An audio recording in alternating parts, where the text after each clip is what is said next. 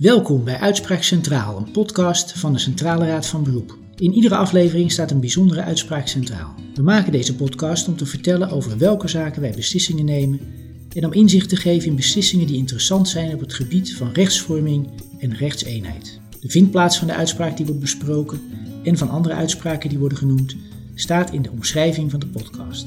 Mijn naam is Willem-Jan van Brussel, ik ben raadsheer bij de Centrale Raad van Beroep en deze keer ga ik in gesprek met Annette Zimmerman, raadsheer bij huiselijk gezegd de ambtenarenkamer van de Raad. Welkom Annette. Dankjewel. We gaan het vandaag hebben over een uitspraak eh, van de ambtenarenkamer over uiteraard een ambtenaar. Het is zo dat sinds 1 januari 2020 er minder ambtenaren terecht kunnen bij de bestuursrechter. Hoe zit dat? Dat klopt. Ambtenaren hebben van oudsher een bijzondere positie ten opzichte van uh, gewone werknemers. Zij vallen onder het bestuursrecht en uh, per 1 januari 2020 is uh, de wet gewijzigd. Is een groot deel van de ambtenaren ook onder het civiele recht komen te vallen. En zij moeten dan vanaf die datum naar de civiele rechter als er geschillen zijn over hun arbeidsovereenkomst. Maar er blijven toch nog ambtenaren die bij de bestuursrechter terechtkomen. welke groepen zijn dat? Ja, dat zijn de politieambtenaren, uh, mensen die voor het ministerie van Defensie werken en uh, de rechterlijke ambtenaren. Die blijven onder het bestuursrecht vallen en die komen dan uiteindelijk ook weer bij de Centrale Raad van Beroep. Ja, we gaan het nu hebben over een uh, uitspraak in een zaak van een politieagent.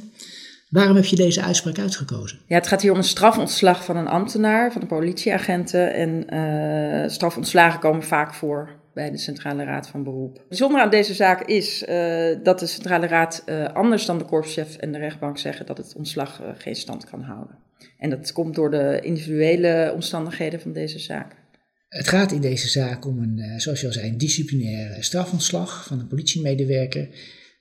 die politieagent die was na een verkeersongeval in een administratieve functie terechtgekomen. Hoe is het toen verder met haar gegaan? Ja, zij is overgeplaatst naar een administratieve functie en daarvoor moest zij een opleiding volgen, een secretariële opleiding. En uh, dat is zij gaan doen, dat was de helft van haar werktijd, uh, moest zij daaraan besteden, werd ook betaald door de politie. Op een bepaald moment heeft zij uh, in 2013 en 2015 uh, een kind gekregen, maar bij die zwangerschappen heeft zij zwangerschapspsychoses gekregen. Ze heeft een intensieve behandeling gehad en bij de tweede keer is ze zelfs gedwongen opgenomen in een gesloten inrichting. Tussendoor heeft zij weer gewerkt, heeft zich ook op een bepaald moment weer volledig ziek gemeld. Um, en op een bepaald moment uh, is zij uh, in aanmerking gekomen voor een uh, arbeidsongeschiktheid uitkering, een via-uitkering. Ondertussen heeft de studiebegeleider van mevrouw aan de politie laten weten dat het voortgang niet goed was van de opleiding. En ook was gebleken dat zij een hoog ziekteverzuim had. En toen er met appelanten daarover gesproken werd, heeft zij gezegd van ja, het klopt dat ze wel eens verzuimd had.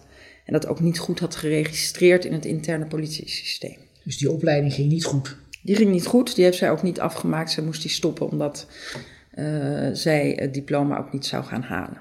En hoe ging het toen verder? Er is een onderzoek ingesteld en uh, op een bepaald moment heeft uh, de korpschef mevrouw onvoorwaardelijk strafontslag aangezegd vanwege allerlei dingen die zij gedaan zou hebben. En wat werd haar in grote lijnen nu verweten? Ja, zij, uh, zij heeft op uh, tenminste twintig dagen verzaakt op haar opleiding en dat zonder goede reden. Zij is ook op lessen verschenen, heeft daar de presentielijst uh, getekend en is vervolgens weggegaan. Dus ze heeft de les niet gevolgd, terwijl ze wel geregistreerd staat als aanwezig.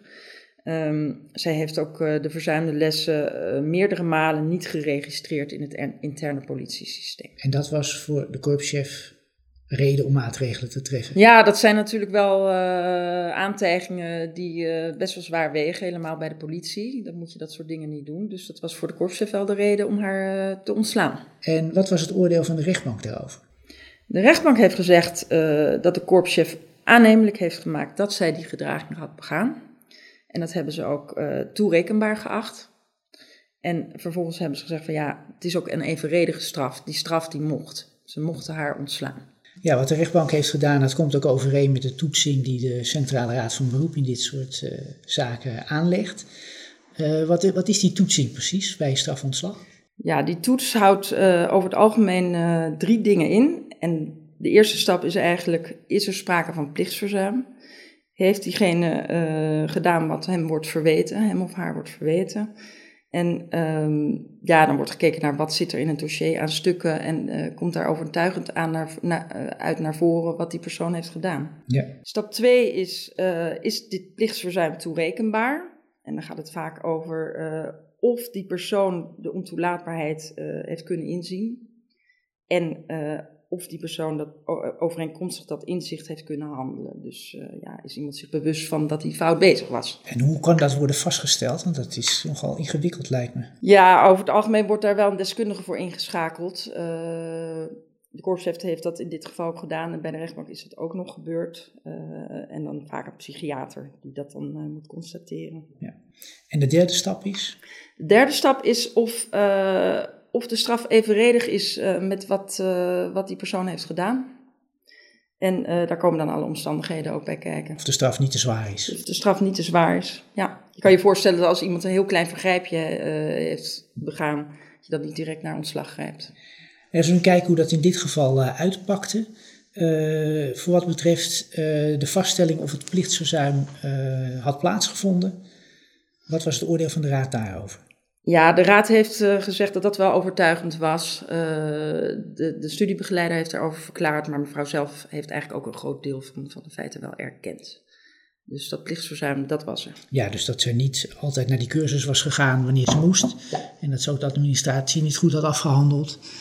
En ook wel eens niet op de werk was geweest. Dat uh, kwam allemaal vast te staan. Ja. En dat zijn op zich wel pittige verwijten. Dat zijn pittige verwijten, ja. Voor een ambtenaar en helemaal als je bij de politie werkt, uh, zijn dat dingen die je toch eigenlijk moet laten. Maar was het uh, voldoende om uh, strafontslag mogelijk te maken? De Centrale Raad heeft eerst nog naar stap 2 gekeken, naar de toerekenbaarheid van de gedragingen. En daarvoor heeft de Raad gekeken naar de psychiatrische rapporten die in het dossier liggen.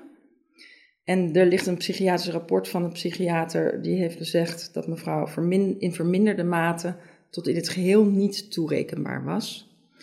Er is vervolgens nog een ander psychiater, psychiatrisch rapport uh, gekomen en die heeft gezegd dat mevrouw wel wilsbekwaam was en toerekeningsvatbaar. Maar hij heeft ook nog gezegd van ja, mevrouw heeft geen inzicht in het ontoelaatbare handelen.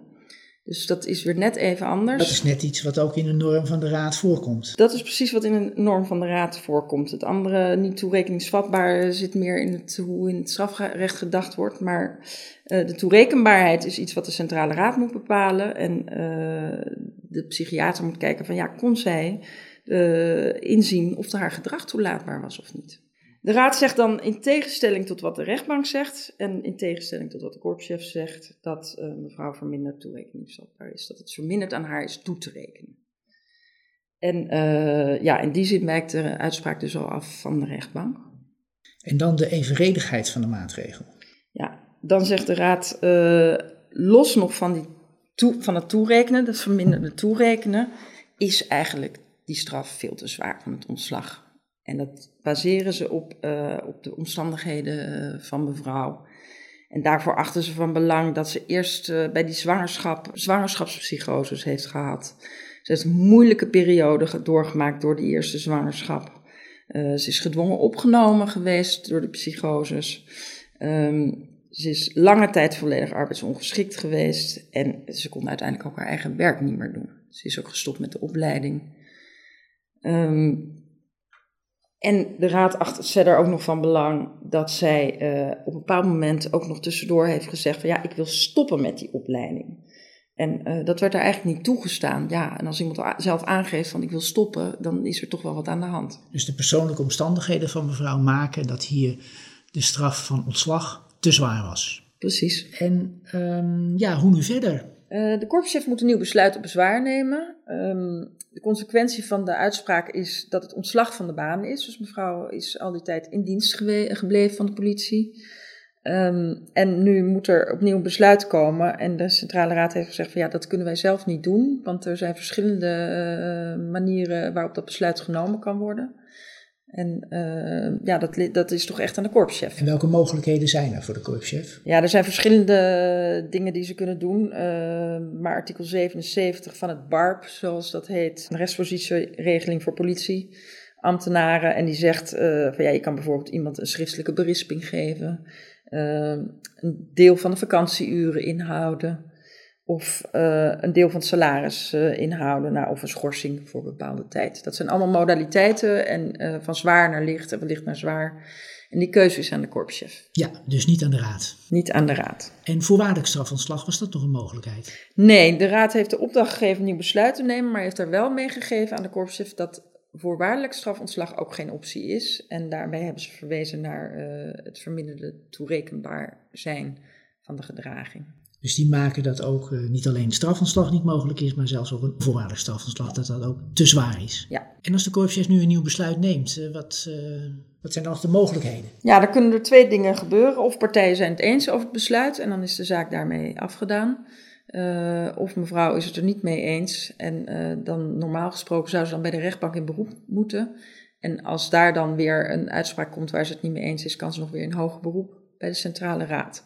Maar gelet op de duur daarvan uh, heeft de raad gezegd van ze mag direct in beroep bij de centrale raad. Ja, dus na het nieuwe besluit, als, er nog iets, als mevrouw nog iets wil ondernemen, is ze weer direct bij de centrale raad van beroep. Ja. Dankjewel Annette voor deze mooie uitleg van deze zaak. Graag gedaan. Dit was Uitspraak Centraal voor deze maand. Over twee maanden is er weer een nieuwe aflevering met een nieuwe gast en een nieuwe uitspraak. De productie van deze podcast is verzorgd door Mariska van der Veen en de muziek is van Bert Weijers. Heb je vragen of opmerkingen? Laat het ons weten via Twitter of LinkedIn. Tot de volgende keer.